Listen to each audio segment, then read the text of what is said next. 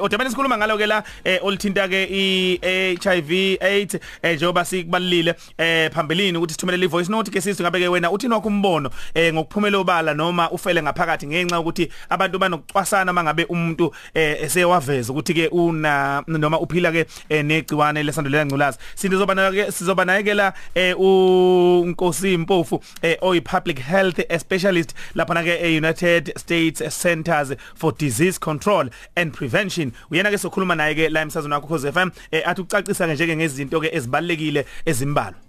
Skhathi 13 minutes past 8 ake sizwe ke 0716136667 ngabe mhlawumbe wena u HIV positive kodwa ukhethe ukuthi uthule ungatsheli umuntu ufele ngaphakathi ngenxa yokusaba yona ke indaba yokucwaswa? Sanibonani okhozini mina nje nomyeni wami sa find out at 2004 ukuthi si HIV but asizange size siqali ngokuthi sitshela abantu. 3 years later we were blessed with a baby daughter a negative. Namanje nje siyayiphilela si fresh si right nje. Asidli lutho uNkulunkulu emuhle nje usigcinile. Kuyaphileka abantu. As long as nizokholela uNkulunkulu ngokweqiniso. Uyakwazi ukuyihilisha nanoma isiphi isifo. Asidingi nje ukutshela umuntu se right kakhulu Jathana nengcebo ngibingelele ngicela ukungazisho eh nathinta isihloko la isibalekile eh mina ngumuntu osifazane ophila negciwane osemncane na 21 years but then ngingizisho igama lami. Nginaye umuntu engizwana naye but then ngiyafisa ukumtshela ukuthi ngiphila negciwane but then ngiyasaba cause ngiyazi ukuthi kugcineni kosuku uzongibalekela ngiyamazi ukuthi umuntu oreacta kanjani manje kukhona into emthusayo eyenzakalayo. Nje so angifisi ukumtshela. I prefer ukuthi nje basithandana sihlezi sisebenzise plastic ngaso sonke isikhathi. Ngizongitshela mangabe sengiready ngoba kuyena ukuthi uyahamba or uyahlala. But njengamanje nje angikabi ready ukuthi ngingamtshela because angimthembi. Ngiyasaba ukuthi angabaleka noma akhulume ngami kubangani bakhe. Ngiyabingelela okhozini FM eh ngizocela ukulifihlela igama kodwa nje ngizothi mina lesihloko enikhuluma ngaso siyangithinta kakhulu ngoba sesiphile nasiminyaka lesi sifo sinonkosikazi wami. Sifihlile akekho waziyo ngaphandle kwethu sobabili. Kodwa nje sinabo abantwana abaphilayo abanganaso esibazalile bezalwe bengenaso bayakhula nje omunye na 13 years. Omunye omncane njengamanje usenenyangana ezimbalwa akafiki nasenyangeni ezisithupha nje siyaphila naso futhi siyaphila nakho ukufihla ngoba asifuni ukuthi mhlambe sigcina sesibandlululeka nakubantu. Kodwa nje siphila kahle nabantu futhi siphila ngokwazi ukuthi siphila nalesi sifo. Sanibonana lokhuzini Johnson noNgcebo. Mina ngicela ukuba anonymous ngila eNewcastle mina ngithole ukuthi ngi-HIV positive ngo-2017 so ngase ngigula ke vele. Ngaya esibhedlela umama wazi vele ukuthi ngi-HIV positive. Bonke ekhaya bazi even boyfriend yami yazi ukuthi ngi-HIV positive kodwa yona mayotesta i-HIV negative ngoba vele sasisebenzisa ijazi kamkhwenyana. So bangiphethe kahle kakhulu. Ibona abangikhumbuzayo ukuthi hayibo waphuzile yini amaphilisi? Uma ngikhaba boyfriend yangikhumbuza hayibo sekuyisikhathi seku-eight phuza amaphilisi. So nje ngiphila healthy ngidla healthy ngikhululekile nje. Asikho isikhathi sokuthi ngizofihla ukuthi ngidlala amaphilisi. Ngiyabonga. Okay siyakuzwa ke ukuphawula eh kwabalaleli ngezimo ezahlukahlukene eh nendlela bona ababhekane ngayo nesimo eh sokuthi bathole ukuthi ba HIV positive. Dr Mpofu njenge Center for Disease Control eh abantu kuqala be umuntu besaba ukuthi isifo sizobukisa ngaye eh asabe kuse ukuthi kuzohlekiswa ngaye emphakathini njalo njalo. Siyabezwa nabantu eh bakhona abanye basafihla yize sekulula ke manje ukuthi umuntu athole ukulekeleleka nosizo. Eh ngokwakho lezi zinto ezisho abantu nangomunye uphawule ukuthi uNkulunkulu emuhle akukho kungalapheki iziphi izinto enihlangabezana nazo uma nenza ucwaningo leno niqoqa nolwazi? Ngiyabonga. And uh, siyayi um hlonipha imbono yabalaleli eh ikakhulu ngezokholo.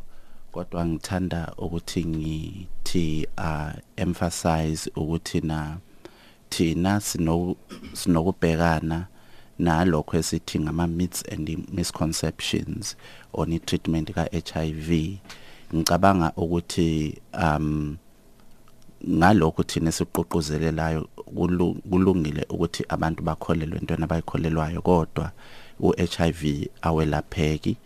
Uyakhona ukuthi ucindezelwe egazini ah kufike kulesi sibanga esithi mhlambe ngesingisi you are suppressed. Kodwa ukuthi uselaphekile. Sicabanga ukuthi a- a- a- akuyona indlela esingabe sisayikholelwa okwamanje.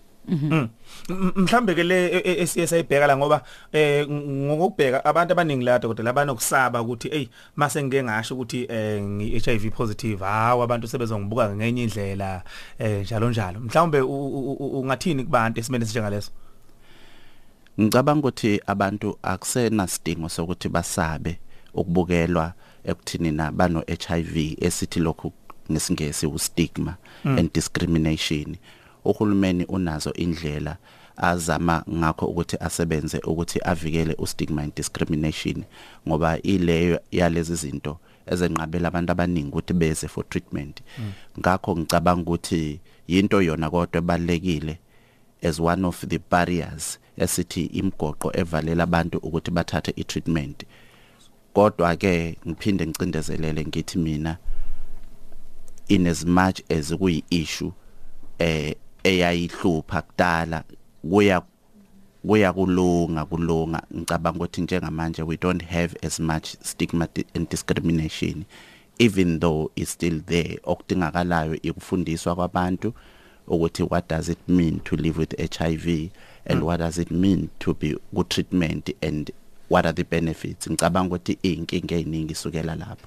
Ekusabeni ukuthi na uHIV uya uya uyathelelana ngokocansi eh mangingelashiwe kusho ukuthini kumina. Bese ngicabanga ukuthi if we could address some of the issues around transmission singakwazi ukuthi sisize abantu from issue ka stigma Siyabonga kakhulu dokotela. Be- Besithi ake siqale sikhe lapho ngenxa yama voice note esatholile kubalali bethu. Siyazi ukuthi wena indaba yoze ngayo ilesingena kuyona ke njengamanje ngicebo. Mm. Eh u u- Dr Nkosi Mpofu uyi public health specialist eh evela e Center for Disease Control and Prevention. Sebeke sebele sebebela eSouth Africa kusukela ngo1989 eh basebenzisana ke nezinhlaka ezahlukahlukene eh ezingancikile kuhulumeni ama NGOs eh nama community based organizations inhlangano ezisebenza emphakathini ukubhekana nesimo seHIV. Eh abantu eh, ab- abalanda amaphilisi iningi labo selifinyelele kubona sel- selifinyelele kubona leli philisi lele kuthiwa i3 in 1 le 3 in 1 pill eh, ihluke ngani kulama ARV yakhona manje Dr Mpofu?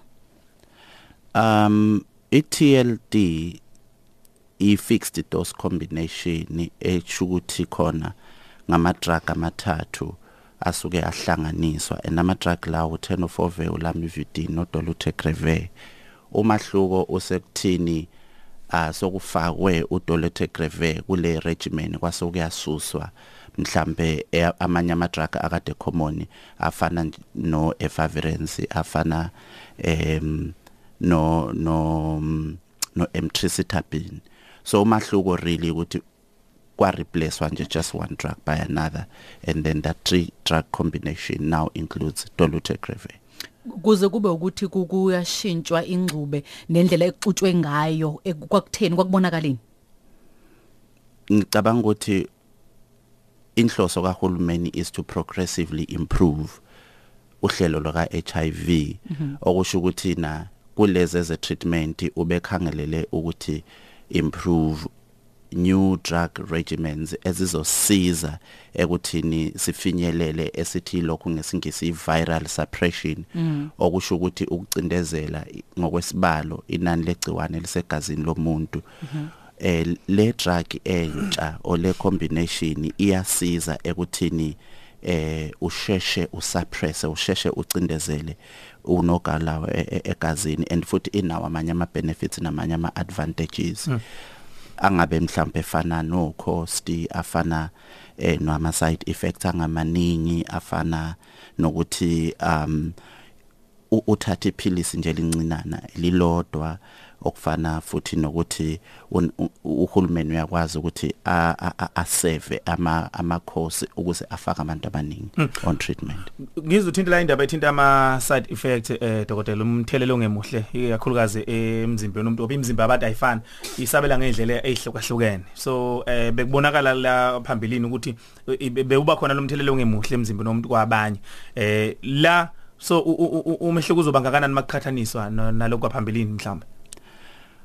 iTLD ayinawo ama side effects amaningi kodwa kubalekile ukuthi sazi ukuthi there is no drug with no side effect. Mm. kodwa mase siqhathanisa nale combination abantu abaningi abakuyona manje esifisa ukuthi sisuke kuyona singene kule dolutegravir based regimen there will be less side effects. And minimal ngalokho esithi ngesingisi minimal side effects Mm. No kuyezwakala mfowethu. Siyabonga kakhulu. Mhlambe sesiphetha nje ke eh eh, Dr Mpofu, ikuphi okungenziwa mhlambe eh, na- nanokuthi nje abantu bangenza njani eh, ekuthenini kwazi ukuthi kuliswane kahle eh nalesi sifo njengoba nina nibhekelele lokho ukuthi yonke into ihamba ngendlela efanele ukuze ngempela kubhekana naso ngqo. into ebalekile ukuthi umuntu kumele atteste uh test regularly if you are active sexually.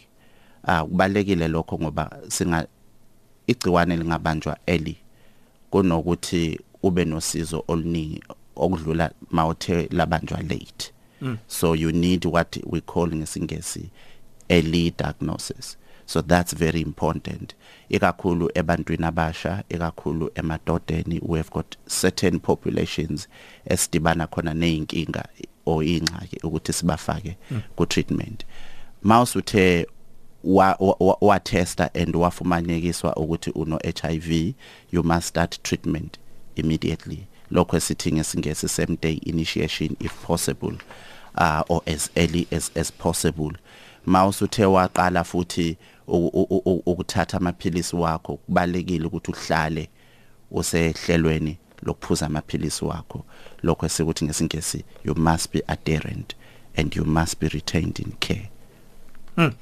Sibonga kakhulu mfowethu. Sikufisela ke usuku oluhle. Eh siyabonga nje nesikhatsi sakho ukuthi ke uzocacisa kubalaleli eh ngaleli iphilisi ke elisha elithela la- lafika eh, ETLD cishe ke abantu bazosizakala kakhulu. Siyabonga kakhulu mfowethu. Ngiyabonga kakhulu.